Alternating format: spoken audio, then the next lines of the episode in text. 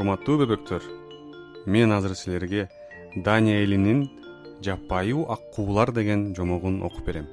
Алыскы өлкөдө бир хан жашаптыр. Анын алты уул бир кызы болуптур.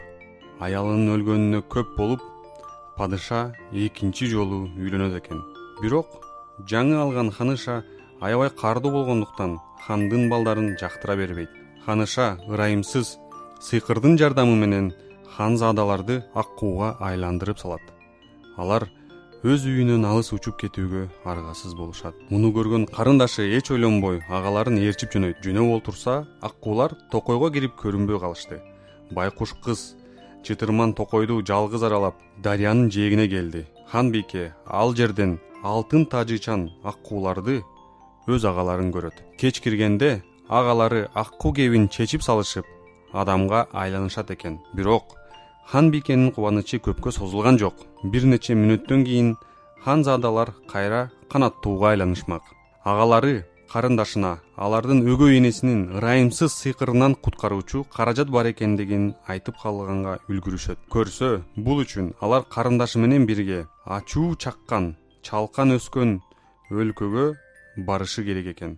Ал чөптү карындашы жылаңач колу менен үзүп жылаңайлак буттары менен тебелеп эзип андан алган жиптен алты көйнөк түйүшү керек экен. Аларды хан бийке ак кууларга жаба салганда алар кайрадан адамга айланат. Муну менен гана бүтүп калбастан дагы бир шарты бар экен.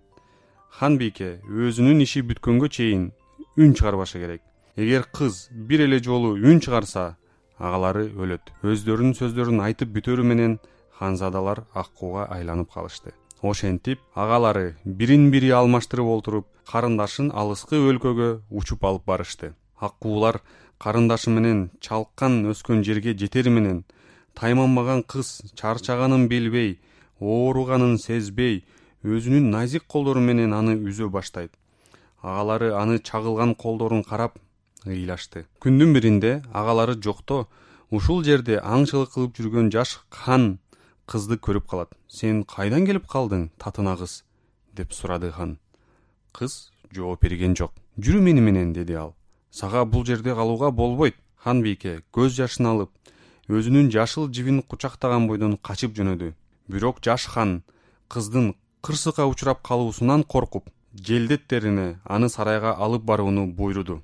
Сарайда кызга жибектен жана бархыттан кийим кийиндиришти бирок кыз дагы эле капалуу жана көгөрүп сүйлөбөйт. Кереэлден кечке керээлдин кечке ал өзүнүн бөлмөсүндө түймөсүн түйүп отура берет. Хан жана анын визирлери унчукпаган кызды сүйлөтүүгө көп аракеттерди жумшашты. Бирок эч сүйлөтө алышпады. Көп өтпөй хан бийкенин жиби тез эле түгөнүп калды. Ага өз ишин бүтүрүүсү өтө зарыл болчу. Түндө ал кайратына келип сыйкырдуу чалкан өскөн көрүстөнгө келди да аны үзө баштады. Кыздын артынан аны көрө албастар жашыруун аңдышып эртеси күнү алар кызды сыйкырчы деп күнөөлөштү капаланган хан чалканды эмнеге керектерин түшүндүрүп берүүсүн кыздан сурады. Кыз мурдагысындай эле унчукпай жашыл жибин көкүрөгүнө кыса жашка толгон көзү менен ханды карайт да турат. Арамза жана көрө албас визирлердин талабына макул болуп хан кызды түрмөгө камады. Бирок жибин алган жок байкуш кызды сот сыйкырчы деп таап аны өрттөп жиберүүгө өкүм кылат. Ошондо да кыз бир сөз айтпады. Аны араба менен өлүм жазасына алып баратканда ал акыркы көйнөктү түйүп бүтөт. Капысынан анын үстүнөн ак куунун канаттары кагылат кыз сүйүнгөнүнөн күлүмсүрөп ак куу агаларына жашыл көйнөктөрдү кийгизе салат. Кийинки көз ирмемде аны бул дүйнөдөгү баардык кыйынчылыктардан коргоого даяр алты сулуу ханзада өзүнүн карындашын тегеректеп калышат. Ошондо гана кыз ханга баардык чындыкты айтып берет. Хан кубанып ошол эле жерде кыздын колун сурап жүрөгүн тартуулады. Жомокту окуп берген мен руслан акун режиссер кыргызстандын жараны